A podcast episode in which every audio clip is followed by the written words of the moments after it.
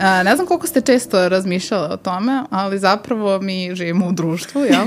I ovaj, a, zapravo cijelo društvo je ustrojeno na jednoj stvari koja se čini jako prosto, a to je poverenje. I zapravo svaka interakcija u kojoj se nalazimo, bilo da je u našoj porodici, bilo da je u nivou lokalne zajednice, bilo da je široko u cijelom društvu, se bazira zapravo na poverenju. Kao bazira se na tome da ja kad ujutru ustanem, ulazim u autobus, verujem da se vozač autobusa neće zakucati u prvu banderu zato što je svestan da je život besmislen. Ovaj, ili ja ulazim u prodavnicu i uh, kupujem nešto i moram da verujem da je cena koju mi prodavačica kaže zaista cena koja je ta ako ja ne pazim. I dakle, svaka interakcija u kojoj se nalazimo se zapravo zasniva na tome. Ja tebi dajem poverenje i očekujem da ga ti nećeš izneveriti. Tako da danas malo pričamo o tome šta se dešava kad te neko izneveri i, i o tome. a ti si ranjiva. A ti si ranjiva. Ove, ovaj, I govorimo zapravo o tome koliko je poverenje važno za, a, za društvo u kome živimo i za druga društva u kojima ne živimo. Bavit ćemo se poverenjem, a, ali pre svega poverenjem u sistem, pa onda kad još malo to suzimo poverenjem u zdravstveni sistem i pre svega poverenjem žena u zdravstveni sistem, vidit ćemo zašto je ono posebno važno uh, i zašto se, mislim, sad pitanje zašto se ovde fokusiramo na poverenje baš žena u zdravstveni sistem, uh, a to je zato što su, kada dođu u interakciju sa zdravstvenim sistemom, žene posebno ranjiva grupa. Uh, tako da sada možemo da krenemo od toga prvo da definišemo šta je poverenje, kako bismo onda uh, bile na istom na istim talasnim dužinama i znali o čemu pričamo i čime se ovaj, ovde bavimo. E pa dobro, znači uh, poverenje uh, predstavlja jedno psihološko stanje uh, u kom mi, dakle, svesno odlučujemo uh, da se u određenoj situaciji izložimo, odnosno da budemo ranjivi i da imamo veru u to da osoba u koju imamo poverenja nas neće povrediti niti na bilo koji drugi način oštetiti.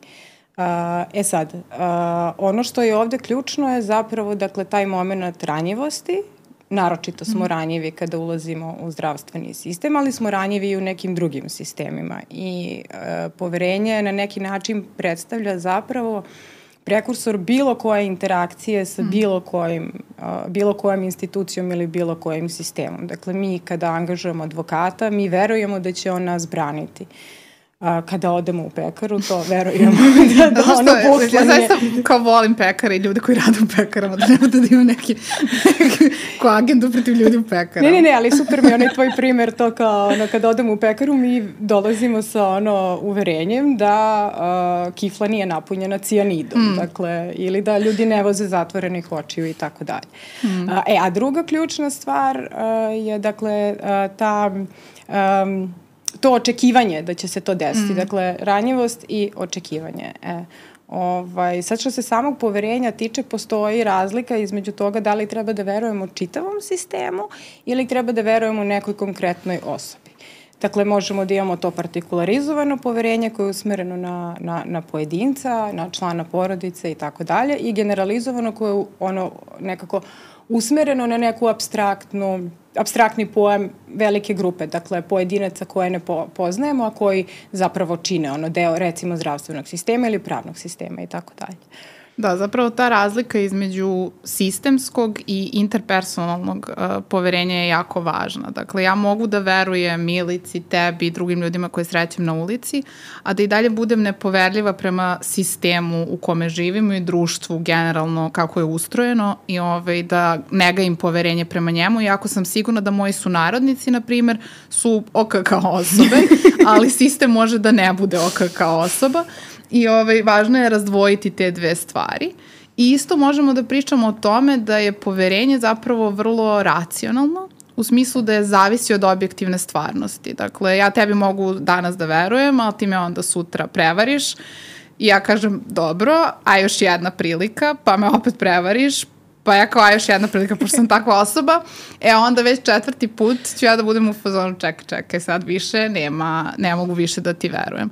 I ovaj, uh, u tom smislu poverenje je vrlo zavisno od objektivne stvarnosti, iako se čini kao da nekad je bazirano na onom kao osjećaj stomaka da nekome ne treba da verujemo, zapravo je vrlo, vrlo je ovaj, nešto što se stiče i što se generalno teže stiče, a lakše mm. gubi.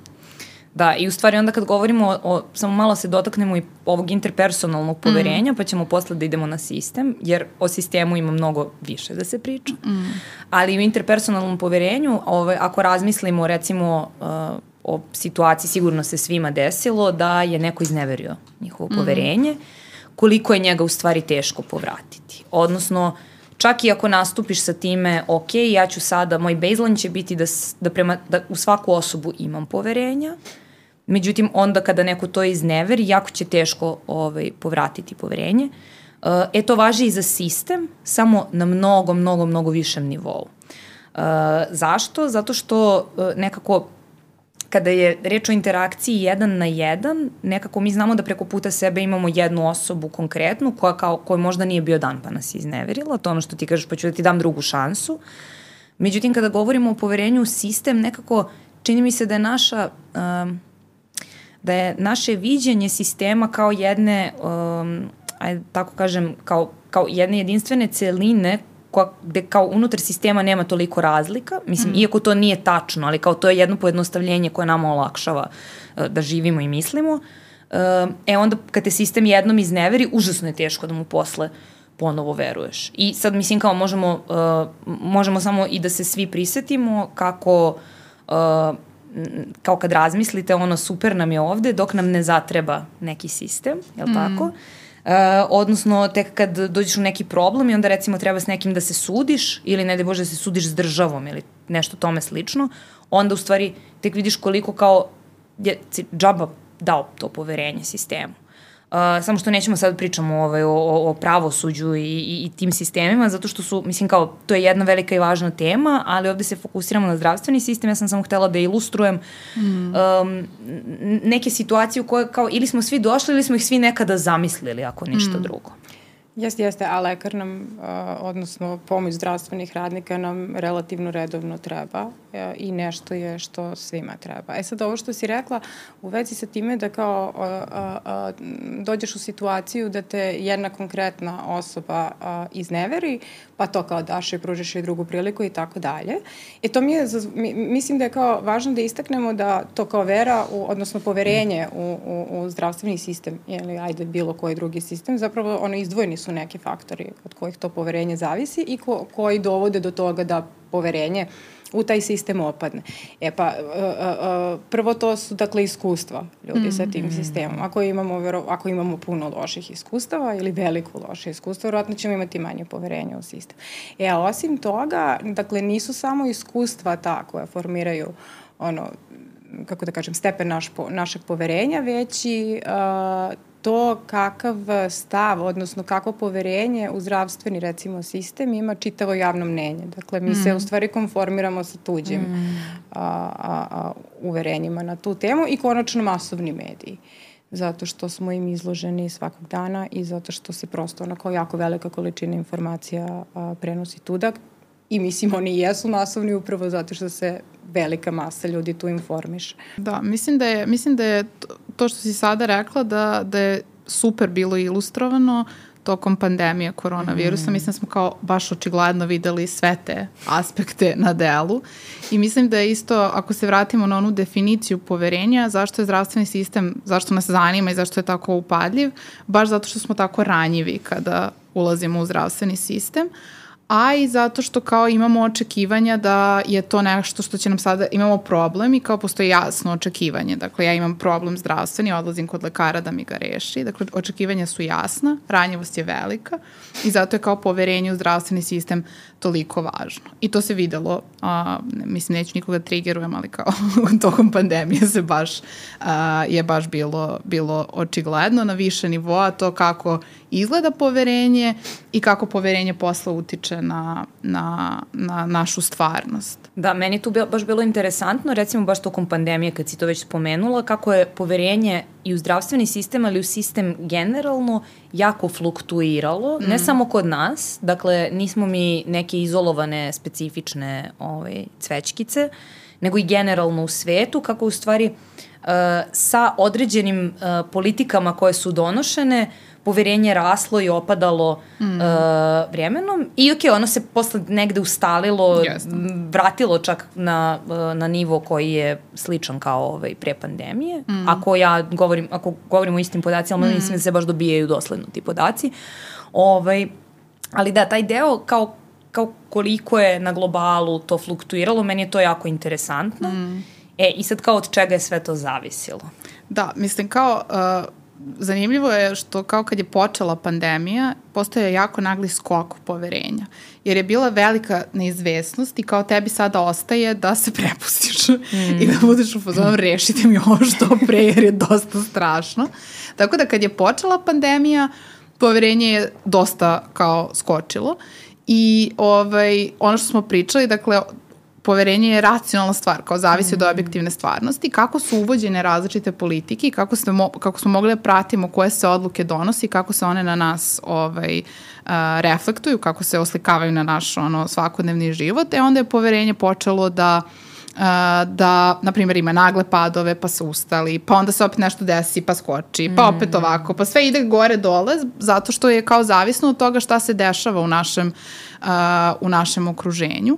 Tako da je meni zapravo to, to zanimljivo bilo, što smo mi kao odlučili na početku pandemije da damo poverenje, onda su ga izneverili, ne, u, u ovom ili onom slučaju, i, ovaj, i onda je ono opet opadalo.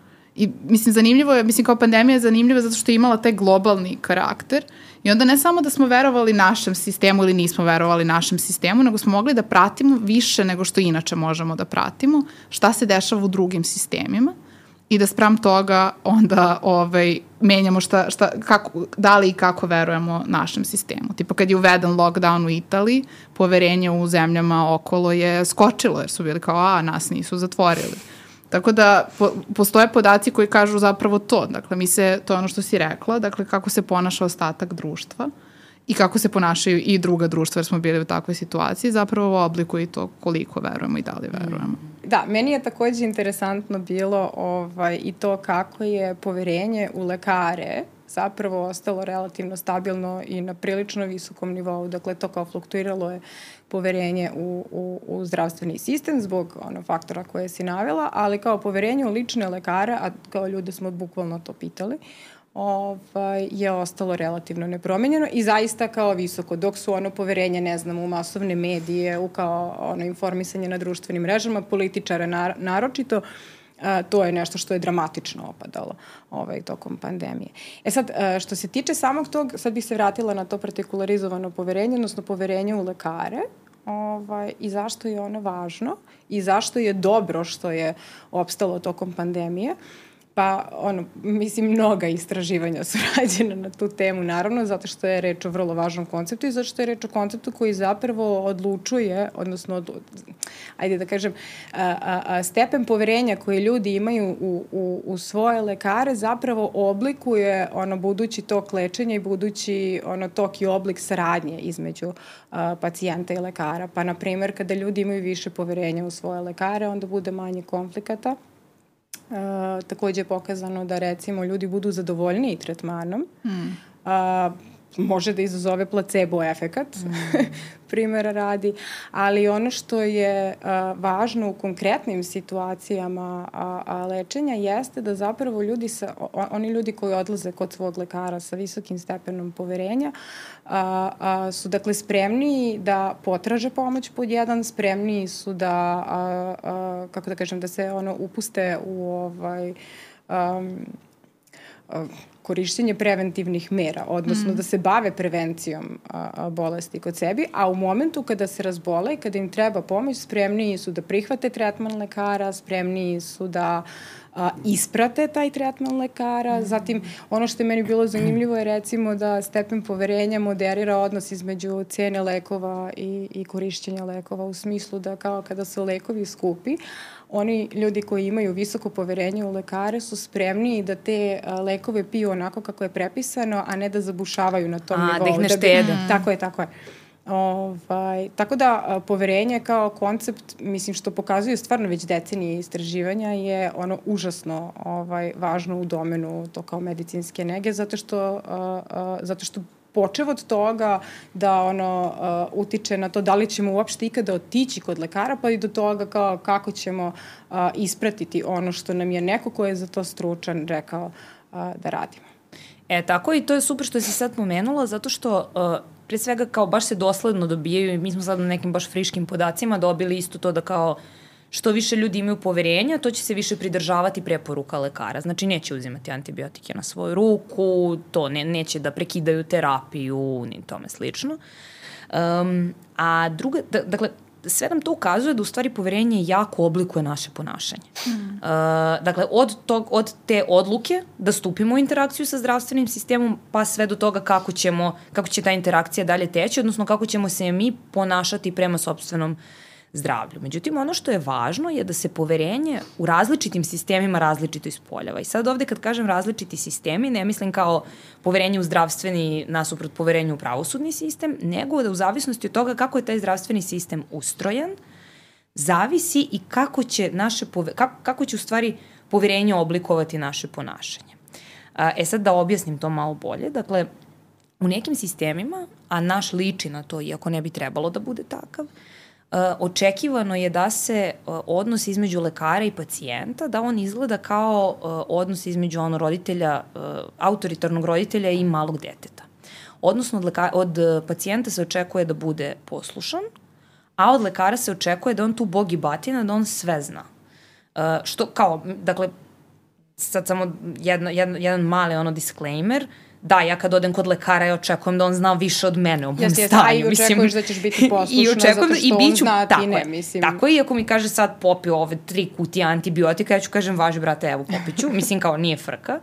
Ovaj, e, ali, dakle, e, sad to deluje ok, kao super, neko stručan tebi kaže ti treba ovo da radiš i ti to radiš i pretpostavljamo da će sve da bude okej. Okay. Odnosno, u takvom sistemu osoba koja ima poverenje u lekare će biti potpuno poslušna. Što je skroz okej okay, ako zamislimo da je situacija idealna. Kad kažem situacija, mislim da su lekari nepogrešivi, da su pacijenti savršeno poslušni i da diagnostika radi sa 100% tačnosti. Međutim, to nije tako i to svi znamo i kao u nekom momentu uh, su istraživanja uh, tih javnih politika vezana za, za, vezanih za uh, zdravlje i zdravstvene sisteme pokazala da to u stvari nije baš najbolji model ponašanja, odnosno da je mnogo bolja varijanta u kojoj i dalje postoji ta jasna hijerarhija da lekar zna mnogo više, što kao činjenično stanje, kao osim ako je kupio diplomu, ali nekako imamo poverenje da nije kupio diplomu. ovaj, no pun intended. ovaj, ali da se od, od pacijenta očekuje da bude aktivan učesnik u svom lečenju. Šta to znači? To znači da, dakle, ne znam, prati šta mu se dešava, da prati svoje simptome. Ne da sad ponderiše terapiju sprem toga, odnosno kaže, u pa evo peti dan ove kutije sinacilina, ma mogu i da prestanem kao prestoje da mi curi nos. Ne, popi, pije sedam dana ako ti je prepisano, ali kao ako je u pitanju, ne znam, neka terapija koja kao nisu obični antibiotici za kao šta god neku regularnu infekciju, nego kao nešto više od toga, ovaj, jako je važno da u stvari pacijent aktivno učestvuje u svom lečenju, uh, da prati svoje simptome i tome slično. E, u takvim sistemima se poverenje ne oslikava na ponašanje kroz potpunu poslušnost, mm već postoji taj neki stepen slobode da čak i ako imam poverenja u svog lekara, ja kažem, e, ali čekaj, ja imam i ovaj simptom. Jesi njega uzeo u obzir? Jel mogu ja da odem da potražim drugo mišljenje? Jel, dakle, prosto daje više stepeni slobode pacijentu, iako se i dalje podrazumeva da je lekar tu uh, glavni. E, i sad što je to važno? Važno je zato što se u stvari u ovim sistemima u kom se od pacijenata očekuje pasivno ponašanje, e, strašno lako i jako često reprodukuju različite, ajde da tako kažem, ono, negativne strane kao nekih ono ustaljenih sistemskih stvari, kao što je recimo kad govorimo o poverenju žena u zdravstveni sistem, interakciji žena sa zdravstvenim sistemom, recimo reprodukcija pat, patrijarhalnih uh, normi, mislim što je kao i razlog zašto se mi celom ovom pričom ovde bavimo. Uh, ali da, dakle, ono što je, što je to kao jako bitno jeste baš to da zavisno od toga kako sistem izgleda, će se naše poverenje na jedan ili drugi način uh, odražavati na naše ponašanje. Jeste, jeste i ono što istraživanja takođe pojavljuju kada se to poverenje stavi u različite uh, kontekste, odnosno to da li je reč o de facto uh, paternalističkom sistemu, kakav je ovaj naš, ili tom kao utopijskom, odnosno tom željenom sistemu koji si ti opisala, koji se zove deliberativni. Dakle, ono što istraživanja pokazuju jeste da kao zapravo ljudi u deliberativnim interakcijama su takođe mnogo više poslušni, mm. zato što, mislim, kao to postoji raport između lekara i pacijenta. Poslušni su, revnosniji su, a, a, to, spremniji su da potraže pomoć generalno su odgovorni a, prema svom zdravlju i to je dobro za sve i to ne samo ono na nivou pojedinca, nije dobro samo ni za lekara, ni samo za pacijenta, dobro je ono za čitav, za to za javne politike, za zdravstveno osiguranje, mislim, ovaj, za, za, za kao ono svaki nivo a, a, institucije mm. u čitavom zdravstvenom sistemu i državi na kraju krajeva, zato što nam to zdravlje svima neophodno. Da. Mislim da, je, da se radi o tome da postoji podela odgovornosti koje ovamo nema E onda kad podelimo odgovornost, onda je manje lako da skliznemo u kao reprodukciju kao da, društvenih uloga, uh, gde je kao jedna osoba glavna, a druga je kao potlačena. Ovaj, I zbog toga mi se čini da se kao reprodukuju, kao što si ti rekla, dosta u ovom sistemu koji je paternalistički, gde postoji kao, i, mislim, sva odgovornost je na lekaru. Mm. Ja sam pasivni, ono, pasivni korisnik uh, njegove njegove ekspertize i njegove, ove, njegove usluge, da. Uh, užas, dobro. Ove, ove, I mislim da je, da, da je ta podela odgovornosti onda možda sprečava ovaj, malo da skliznemo u to da, da, da žene u tom sistemu kao i u drugim sistemima, jer živimo u društvu, ovaj, ponovo učestvuju kao vrlo striktnoj podeli u rodnih uloga. E, da, i ovaj, posebno je tu, dobro što si to pomenula, jer kao posebno je važno da kada se Uh, kada imamo tu nepodeljenu odgovornost, odnosno kada imamo sistem u kom se od pacijenta očekuje da je potpuno poslušan, a onda kada još tu u jednačinu uključimo i uh, tradicionalne rodne uloge, uh, dolazimo u ozbiljan problem, uh, ne samo zato što je tu ono, žena kao pacijentkinja ozbiljno, kao, u, u, u ozbiljno nezgodnoj uh, uh, poziciji, nego i zbog same kao uh, samog ono, dakle, ako, ako razmislimo kao seksizam je svuda prisutan, ne samo u zdravstvenom sistemu, kao sama medicina je androcentrična. Mm. E, i onda kao, ono što se meni čini, ali mislim da nije neosnovano što mi se tako čini, jeste da onda dolazimo u tu situaciju da se ženama kao pacijentkinjama uopšte ne veruje, odnosno da ako sistem postavimo tako, da je pacijentkinja u ovom slučaju pasivna učesnica u procesu sobstvenog lečenja ili tretmana, uh, onda ona nema, nema tu šta da se pita.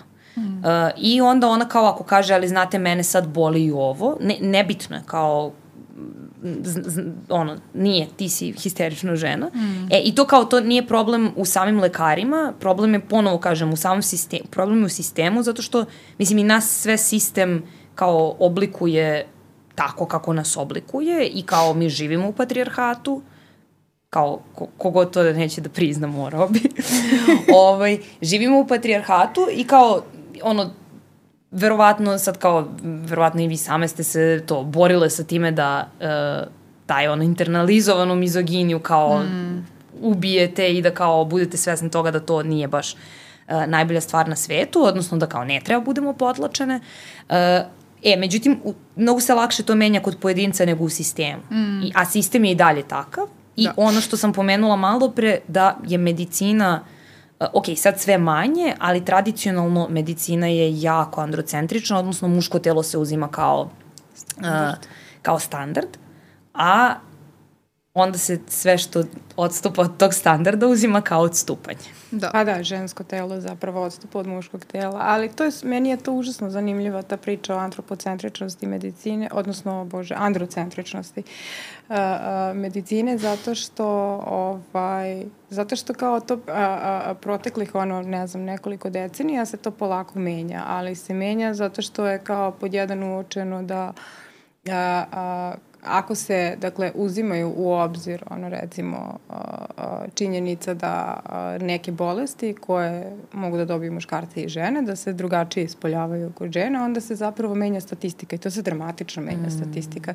I to je jedan od upečatljivijih, ono, primjera za to i ona priča kao o simptomima srčanog udara, mm -hmm. koji su, za, koje, za, koje, za, za koji se godinama, decenijama smatralo da predstavlja mušku bolest, odnosno od toga ono umire po neka žena i jako veliki broj muškaraca. Uh, E, međutim, onda su, ovaj, i da, razlog za to ovaj, je između ostalog bio to što su istraživanja vršena na muškarcima, što su kao te norme, odnosno simptomi koji su kao vezani za, odnosno koji a, predviđaju srčani udar zapravo ovaj, registrovani na, na, na muškim pacijentima, pa se jako dugo zapravo ni nije znalo kako izgleda ono simptom srčanog udara kod žene i sad ne znam, ono kod muškaraca to je uglavnom ono bol u grudima, kod žene je recimo to bol u vilici. Ovaj, mm. E, a uz to se dešavalo da ovaj, I to isto, ima puno eksperimentalnih, istra, one, interesantnih istraživanja o tome. Ovaj, dešavalo se da zapravo a, a, a, ženama budu pripisane a, a, pogrešne diagnoze i to ono veoma pogrešne diagnoze na nivou a, a, psihičkih problema. Mm. Dakle, žena se poželi na, na, na to kao bol u vilici, bla, bla, onda dobije kao preporuku, odnosno uput za psihijatra a, i, i onda se desi da to kao umre od srčanog udara zato što je kasno, zato što ono, ne znam, bilo potrebno vreme da se reaguje u situaciji koja je takva kakva je. E, i u svakom slučaju, onda kada su, dakle, ovaj, uh, popisani ili učeni ti drugačiji simptomi srčanog udara kod žena, ono što se desilo jeste da se zapravo ta statistika izjednačila. I recimo mm. 2021. godine u Srbiji od svih uh, uh, smrti od srčanog udara, 49% a, a, su zapravo žene. Mm. Ovaj, tako da, e, ali to naravno nije, nije jedini slučaj. Generalno se ženama a, mnogo češće to kao daju a, a, a, diagnoze psihogenih a, pa histerično bolesti. Žene. Pa tako je, da. Ove, ovaj, žališ se na bol, dobit ćeš ono lekove za smirenje, dok recimo kada se muškarci žale na bolu, mnogo, mnogo, mnogo većem procentu slučajeva dobijaju lekove protiv bolova. Što opet ima svoje negativne posledice, da, ali da. nebitno. Mislim, ideja je ono samo da se zapravo, i to empirija ono pokazuje već jako dugo, da se muškarci i žene u zdravstvenom sistemu, a i verovatno i u mnogim drugim sistemima, zato što ono, kada izađemo sa svog posla, mi odemo kući, ne odemo na neku drugu planetu, nego na ovom gde seksizam cveta. Nažalost. Dakle, da u svim sistemima postoji ono veoma različit tretman a, a, a, muških i ženskih klijenata. Da, i mislim samo da, da, da bude jasno, dakle ovo o čemu je Sandra sada govorila su dakle eksperimentalni nalazi, što znači šta? Znači da su svi uslovi potpuno jednaki. Dakle, jedino imate dve grupe i jedino što se razlikuje između te dve grupe je to da je u jednom slučaju pacijent muškarac, a u drugom slučaju je pacijent žena. I dakle, svi drugi simptomi su jednaki i zapravo nalazi pokazuju da se u tom slučaju za identične simptome, identičan, uh, identično saopštavanje simptoma, identičnu znači, kliničku sliku, ženama se u mnogo većem slučaju prepisuju dakle uh, anksiolitici ili lekovi dakle za psihička oboljenja dok se muškarcima daju uh, lekovi za bolove. I to je ja bih mislim to je eksperimentalni nalaz dakle iz istraživanja, ali i nešto što na osnovu ovoga što si ti rekla se zapravo preslikava na uh, i na, na, na našu stvarnost, kao i sva istraživanja. Ove, ove, da, to nije nešto što se dešava tamo u nekim laboratorijama i nema veze sa našom stvarnošću, nego naprotiv. Ove, I mislim da, da je isto važno da kao, da bude jasno da kao sve to je posledica ovoga što smo pričali, dakle, sistem je takav i kao sistem se sada menja polako sistemske promene su teške, ali nisu, nisu nemoguće i dakle vidimo da se, da se one dešavaju, ali uh, ponavljam, živimo u društvu, ovaj, i onda one opstaju i kao stvarno žena je ovakva kakva je. Jeste, da. ali opstaju i na nivou, kako da kažem, i kada se izađe iz zdravstvenog sistema, a, ako kao uzmemo ono pacijentkinje kao nešto što nije deo zdravstvenog sistema, nego u njega uđe onda kada im je to potrebno. Mm. Ove, ovaj, ono što su ta istraživanja takođe pokazala jeste i da, i da same pacijentkinje ne umeju da prepoznaju. Mm. Dakle, kao ako nauka ne poznaje simptome srčanog udara, pa neće ih znati ni, ni jedna žena na ulici. E, i onda, se, onda su se i one zapravo dramatično manje žalile, odnosno i same sumnjale na to. I onda ono što se dešavalo jeste da, ovaj, i to su neke verovatno retrospektivni ono, izveštaj, mm. kada su kao zapravo počeli da se bave tim problemom. Ono što se dešavalo je gde ženama treba, ne, ne znam, desetine minuta više da zapravo uopšte potraže pomoć. Dakle, pozovu hitnu, ono, da kažu mm. kao A to. A tu su minuti užasno pa, važni. Da, e, ili da, kao, i ono što je meni bilo recimo interesantno je gde žene, za razliku od muškaraca, uglavnom prvo zovu članove familije da se malo konsultuju oko toga da li da zovu hitnu pomoć, jer kao to ne žele da budu, ono ne žele da kao ostave dojam neke žene koja je ono koja ne može da a, trpi bol, koja je slaba, koja kao ono snowflake, eto tako mm. da se mm. izrazim. Da, ono što je tu kao užasno važno je da se osvrnemo na to kako se u stvari takav tretman žena i žena, mislim kao ne žena kao kao takvih, nego, nego mislim, ta činjenica da je ono, da to kao, treba ti više vremena da provališ da žena ima srčani udar, jer te niko nije učio da je to tako, a ni ženu niko nije učio da to kao kod nje neće izgledati onako kako izgleda na filmovima, uh, je kao, sad da zamislimo neku ženu koja gleda kako se to dešava, i onda gleda kako neku pacijentkinju sad vozaju tamo, amo, ne znam, nješta, treba mnogo više vremena da se diagnostikuje i tako dalje. Kako će to da se odrazi na njeno traženje pomoći posle toga? Pa verovatno negativno. Jer kao, znaš kao, evo sad, ova je zvala pomoć i onda su je tu vozali i onda je na kraju umrlo.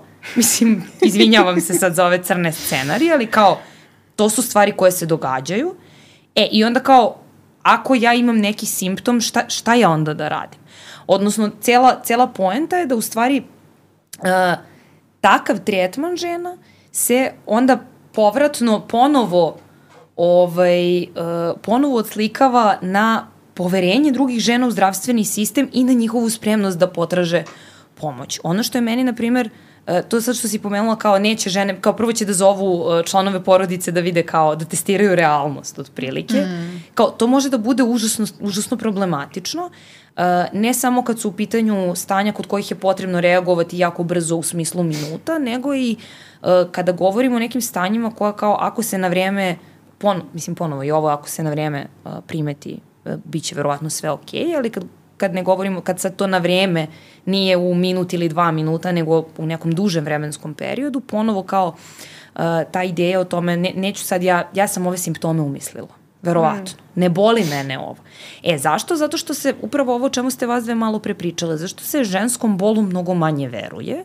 I onda mi s jedne strane nekako smo naučene da mislimo da treba da trpimo bol, odnosno da o bolu počnemo da pričamo tek onda kada on postaje jako, uh, jako težak, odnosno kada počne da nam narušava svakodnevno funkcionisanje. Um, šta se onda dešava? Dešava se to da uh, baš zbog tog nepoverenja u zdravstveni sistem, koje ponovo, opet kažem kao cela ta priča reprodukuje samu sebe, to mm. nepoverenje nije izolovana stvar. Uh, događa se da, recimo, žene se dosledno češće uh, nego muškarci obraćaju praktičarima alternativne medicine. Mm. I to je još jedan problem. Uh, a kao taj, taj nalaz je jako, jako robustan. Mm. I mislim da kao svako istraživanje koje sam čitala u kom je registrovano uh, ili stav ili kao obraćanje ili kao stav prema alternativnoj medicini ili to da li ste ikada otišli kod praktičara alternativne medicine ili praktikovali bilo koju vrstu alternativne medicine, dosledno se češće uh, događa, dobija to kod žena nego kod muškaraca. Da, i to pokazuje istraživanja koje smo radili u poslednje vreme ovde kod nas. Dakle, to je nalaz koji se reprodukuje i kod nas. I to je problematično zato što kao ako ćemo da razgovaramo o tome, dakle alternativna medicina prosto je manje pouzdana i znamo mnogo manje o njoj od uh, od zvanične, odnosno konvencionalne medicine i dakle ona može da ima sama po sebi kao uh, nepovoljne posledice, može na može da odvrati od korišćenja uh, zvanične medicine i zvanične terapije i može čak i da interaguje s njom na načine na koje mi ne očekujemo. I dakle, ovaj, ono što mi se čini da se da se dobije od alternativne medicine je onda ono što nam fali u ovom uh, u, u zvaničnom sistemu. Uh, što je posledica, dakle, ono, ne verujem u ovom sistemu, moram da tražim nečemu čemu ću sada da verujem, pa ajde da probam ovo drugo. To je ono čemu smo pričali i ranije. Dakle, izneverio me ovaj sistem, mm. ajde da probam da, ovaj nekako, drugi. nekako to kretanje baš kod žene alternativne medicini je to kao indirektan pokazatelj toga kako je ono žensko poverenje i kako je žensko iskustvo u ovom našem mm. uh, trenutnom zdravstvenom sistemu. I sad kao prepostavljam da se to ima uh, mislim da može da se smisli sijaset razloga, ali me zanima jeste, e, jeste prikupili neke podatke u vezi sa time kao, kako, odnosno zbog čega do toga dolazi, šta je Zašto se ljudi okreću alternativne Zašto se žene okreću? Mislim kao, e, da. za, zašto postoji ta razlika između muškaraca i žena? E, da, to, to još nismo... To je naš budući da, projekat. To je, naš, to, je, to je neka naša šema buduća, nebitno sad. Ali ovaj, ono što jesmo gledali, e, bavili smo se ovaj, time kako se alternativna medicina reklamira. Uh, I ovaj, iako smo se mi fokusirali zapravo na kao strategije koje se koriste, vi možete dosledno da vidite da se većina tih stvari da je usmerena na žene. Dakle, slike koje se koriste su žene na slikama. Mm. Uh, sajtovi koji uh, su isključivo alternativnom medicinom su usmereni na žene. Dakle, oni imaju, se, znači to je, to je sajt koji je posveđen potpunosti ženama. Čak i ako su saveti koje daju usmereni na sve, jednostavno je sajt i kao čitava sadržaj je nekako fokusiran na žene. I ja mislim da postoji, to, da postoji u okviru kao tog sistema, postoji prepoznavanje da mu žene uh, ovaj, uh, naginju i da se onda to koristi i da onda to još više pojačava, kao, jer ako mene direktno me targetuješ i kao govoriš o mojim ono, problemima, ovaj, tipa ono kao, evo, ne znam, noću, noćurak, da, za plodnost ili evo ti, ne znam, popio ovo, proći ćete sve u životu, svaki put menstrualni bolovi, da. itd. itd.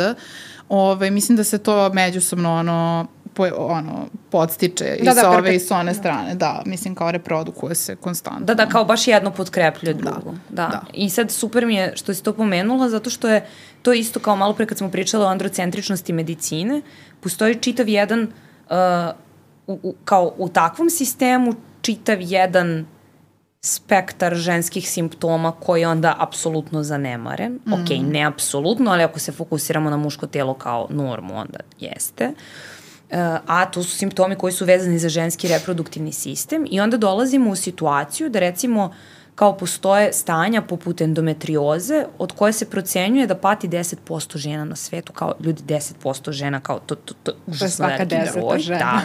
da. Uh, I, e, a za nju, kad odete na sajt Svetske zdravstvene organizacije i kao baš na odeljak o endometriozi, piše ovako, uh, ne zna se uzrok, Ne, ne zna se lek, ne zna se kako da se prevenira, ali znamo da je kao endometrioza faktor rizika za sterilitet um, i kao da žene koje ono pate od endometrioze kao ozbiljno pate zato što ih boli, mislim. Mm. Um, I onda dolazimo u situaciju u stvari da kao uh, tebe već na samom ulazu sistem kao takav, ne, ne čak naš državni zdravstveni sistem, nego sistem u jednom globalnijem smislu izneverava. Mm. Zato što te, dakle, diskriminišete i kaže ti taj tvoj bol je manje bitan, iako paradoksalno, dakle, ako uzmemo u obzir to da je endometrioza faktor rizika, pretpostavlja se čak i uzrok, ali kao ne, ne, ne znam se dovoljno, ovaj, uh, neplodnosti, dakle kao, mi imamo ozbiljan problem po čovečanstvo, kao. Mm. Pa, ali, ali stvarno je tako. Dakle, kada ga tako frejmujemo, ako izlečimo, a ako nađemo lek ili preventivu za endometriozu, onda ćemo mi kao vrsta lakše da se reprodukujemo. Ali, nekako se to zanemaruje i kad dođe žena i kaže, dakle, to nije samo, to nije samo više o interakciji sa zdravstvenim sistemom, kad dođe žena i kaže, ej, ja imam užasno bolnu menstruaciju, požali se drugarici, Drugarici mami, da. tetki, ako drugarica, mama, tetka nema iskustva ekstremno bolnih menstruacija, ogromne verovatnoće da. da neće verovati. I zapravo kao jedan od razloga zašto se tako malo zna o endometriozi je zato što baš to kao kada te boli, onda ti kažu da je normalno da te boli. E, za 10% ljudi nije, 10% žena nije normalno da te da boli. Da te tako boli. Znači kao ne treba toliko da te boli i to je zapravo ono što je kao, što je i dovelo do toga da malo znamo o tome. Zato što kao postoji ta norma da je nešto kao, eto, to je normalno i to tako treba i ono, kao žena si se rodila i sad tu čuti, sedi, pati. Ovaj, ali zapravo kao mislim kao sad na osnovu toga vidimo da, da to nije slučaj, da je to kao zaista stanje koje je kao ima daleko sežne posledice da. i ono, to nam ukazuje na potrebu ono i da se sistemski ulaže u istraživanja koje se bave ženskim telom i da se ovaj, sistemski ono, ulaže, to jest da se sistem usmerava na to da nemamo normu i odstupanje od norme, nego imamo žene, imamo muškarce koji se razlikuju zato što živimo u ne, ne čak ni društvu, nego u svetu. na planeti, u prirodi. Da, e, ali to je ono, mislim... Ja sam malo kontroverzna, ali razumete što hoću da kažem. ovaj, e, ali da, to baš to što si rekla. Ovaj, Šta se onda događa? Malo pre smo pričali o alternativnoj medicini, onda će žena koja ima bolne menstruacije, koju je, koja je kao odgovor uh, konvencionalne medicine će najčešće biti pa uzmi painkillere. Mm.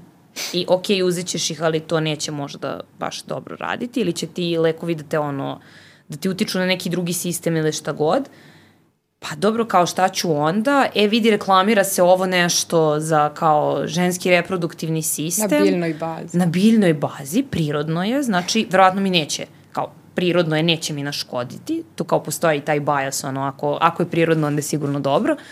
Ovaj, E, i onda, mislim, ja, ja bih mogla da se opkladim, iako nemam kao to, ka, to, kao što je Marija rekla, to je neka naša buduća šema za projekat, ali ovaj, a, mogla bih stvarno da se opkladim da je to jedan od razloga uh, zašto se žene češće okreću alternativne medicini.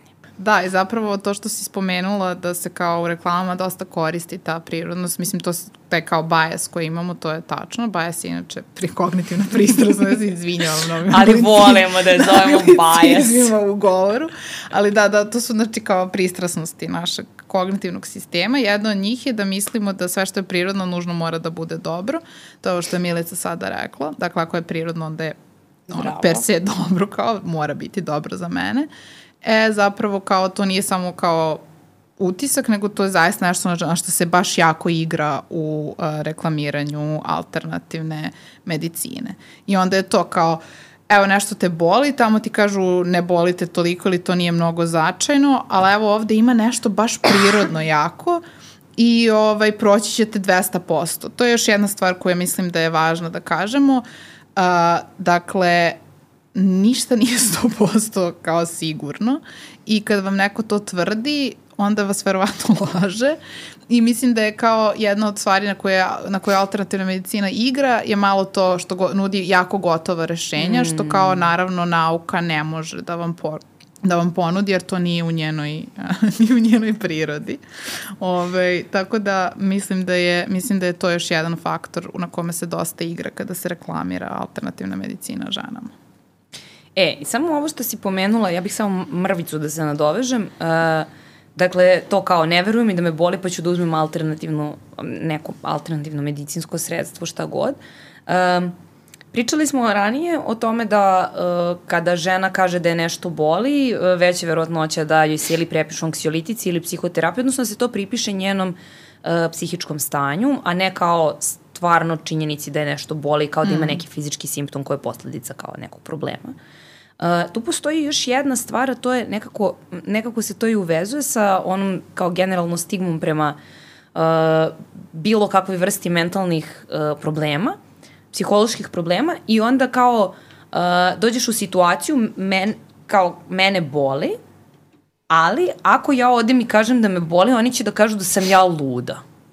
mislim, to se tako interpretira, kao ne, ne, ne znači da si luda, kao iako, ono, ako ti Da, da, i ne znači da će ti reći, ali Da. kao to je doživljaj. Tako je, da, doživljaj je, ovaj čovek ili ova žena misli da sam ja luda, ja sad neću da idem tamo, nego ću da odem negde gde će neko da mi sad napravi neki čarobni napitak i meni će da prođe. A i brže će da me prođe. I brže I će da rešit me prođe sve. i bit će mi sve. ugodnije. I bit će mi ugodnije. I to je ono što je jako važno. Dakle, ti, mi smo recimo dobili baš i kao, uh, radili smo fokus grupe sa lekarima i sa praktičarima uh, tradicional, ove, um, i tradicionalne i, i, i, i alternativne medicine. Kad kažem tradicionalno, ne mislim na kao konvencionalnu medicinu, nego tradicionalnu kao Vasa Pelagić. Praktičari kao tradicionalne alternativne medicine su nama govorili da lju, se ljudi njima često, ka, kada im se obrate, oni se njima ne obrate odmah, nego im se obrate nakon što se osete iznevereno od strane uh, ovog konvencionalnog zdravstvenog sistema i onda da je u stvari jedna od, i, i to i oni sami uviđaju,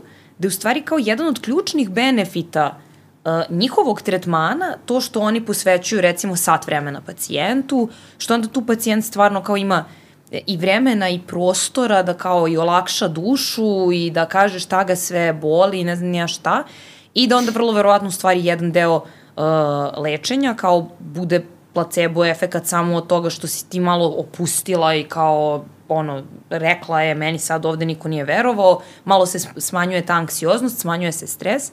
Ovaj, tako da, e, i sad kao, to je naravno problem, kao, to, ok, praktičar alternativne medicine ima sat vremena, lekar u državnom zdravstvenom sistemu ima koliko, 7 minuta za tebe. E da, mislim kao vraćamo To se je na problem sistem. sistema, tako je, i kao tu apsolutno lekari nisu ništa krivi, mislim, kriv je sistem koji je takav kakav jeste, ovaj, ali je, ali je važno da imamo i to na umu, kao kad, kad se bavimo time zašto, zašto ove žene ne veruju zdravstvenom sistemu. Uh, ali da, mislim kao glavni problem je zapravo sistemski problem, jer kao ako lekar nema dovoljno, mislim lekar nema dovoljno resursa, jer kao, znači imamo manjak lekara, imamo uh, zdravstveni sistem u kome nema dovoljno sredstava da se ulaže u u, u, u različite stvari, u kao od opreme do kao samih lekara koji su potplaćeni za posao koji rade. E, ovaj, u tom smislu je tu teško da govorimo o interpersonalnom poverenju i o tome da lekari moraju da rade na interpersonalnom poverenju, jer zapravo nije problem u tome, nego je problem u ovom poverenju u sistem. I kao kako se vraća, kako se vraća ovaj, uh, poverenje u sistem. Vraća se teško, ali nije, nije, nije nemoguće i mislim da je zato važno da govorimo o potrebi za sistemskim uh, promenama i o tome da da budemo svesni da kao, sad kreće, znači, da budemo svesni da ovaj, i političke opcije koje zastupamo ovaj, se oslikavaju na naš svakodnevni život, kao ne možete da budete apolitični, žao mi je, jer kao mm. živite politiku i kao to da li će da se ulaže u naoružanje ili će da se ulaže u zdravstveni sistem i u lekare, ovaj, je važno pitanje i nešto o čemu vi donosite odluku i nešto o čemu vi učestvujete. I mislim da je onda važno da govorimo o sistemskim promenama i da će sa sistemskim promenama doći i do promene poverenja. Jer da, rekli smo da je poverenje racionalna, objektivna stvar koja zavisi od objektivne stvarnosti. Ja mislim da se poverenje vraća kroz sistemske promene koje su spore, ali nisu nemoguće. Ja nisam cinik.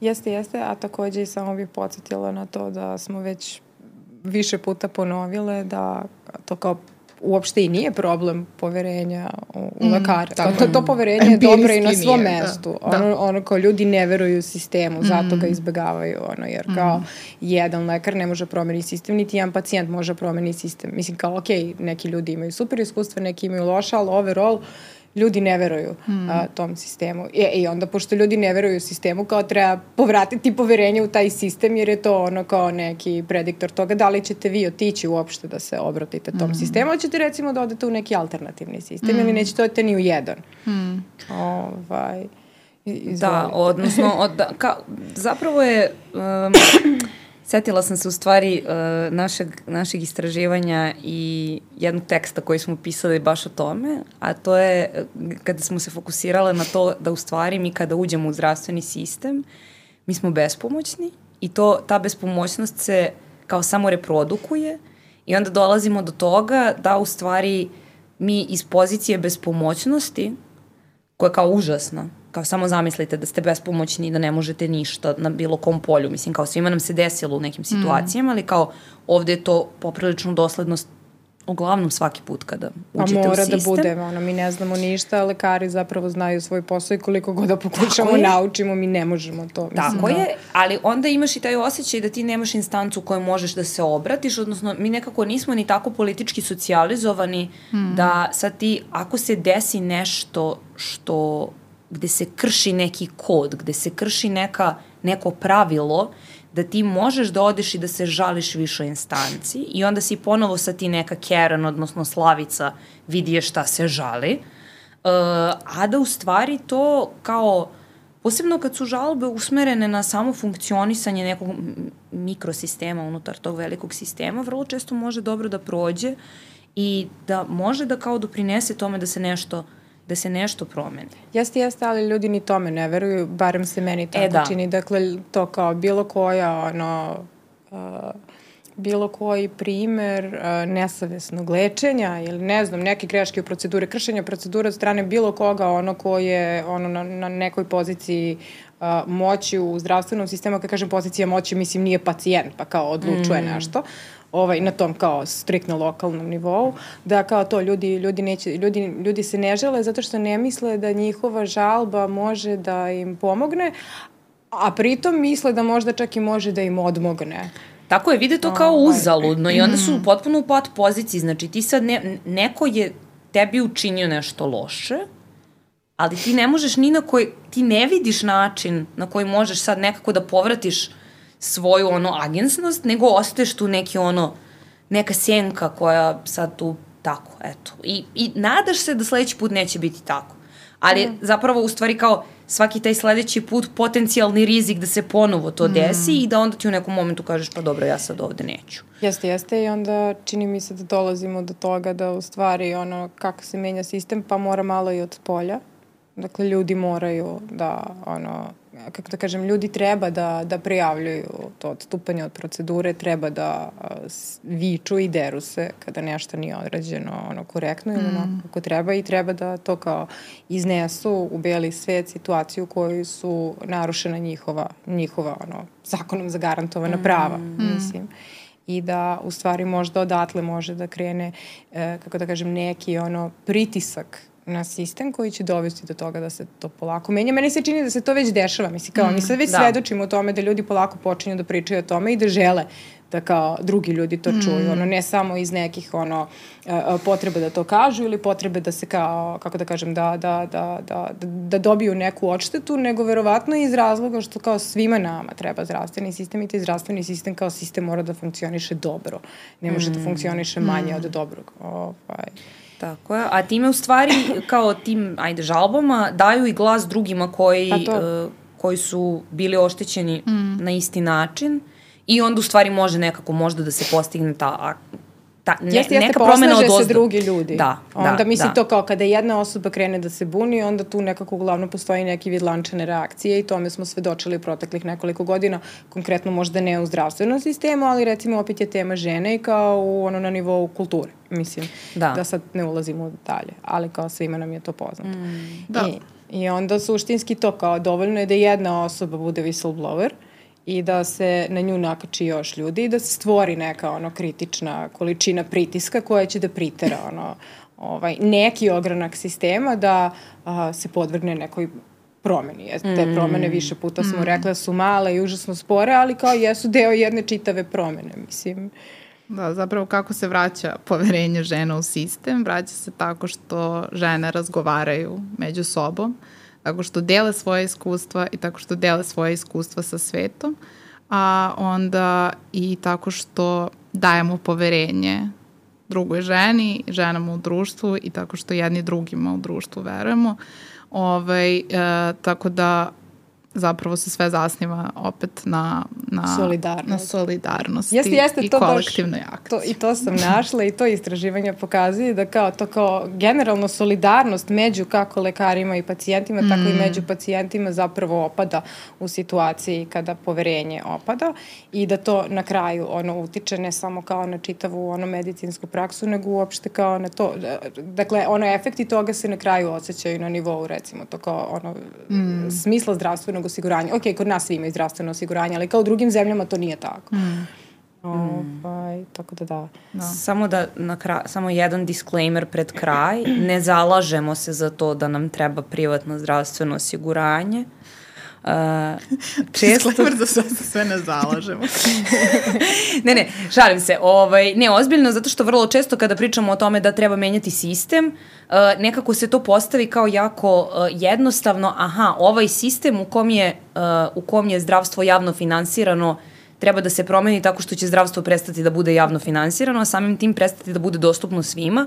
Užasno je važno da zdravstvo kao i školstvo budu dostupni svima i da to I da ne što- budu privatizovani. I da ne budu Nikad. privatizovani, o, zato što se e, tek tu onda može da dođe Do zloupotreba. do zloupotreba, odnosno do toga da što si ti uh, više na društvenoj lestvici, to će to ćeš dobiti bolji tretman prosto zato što imaš više da platiš, odnosno da ako si nisko na društvenoj lestvici možda nećeš ni dobiti ulaz u sam sistem.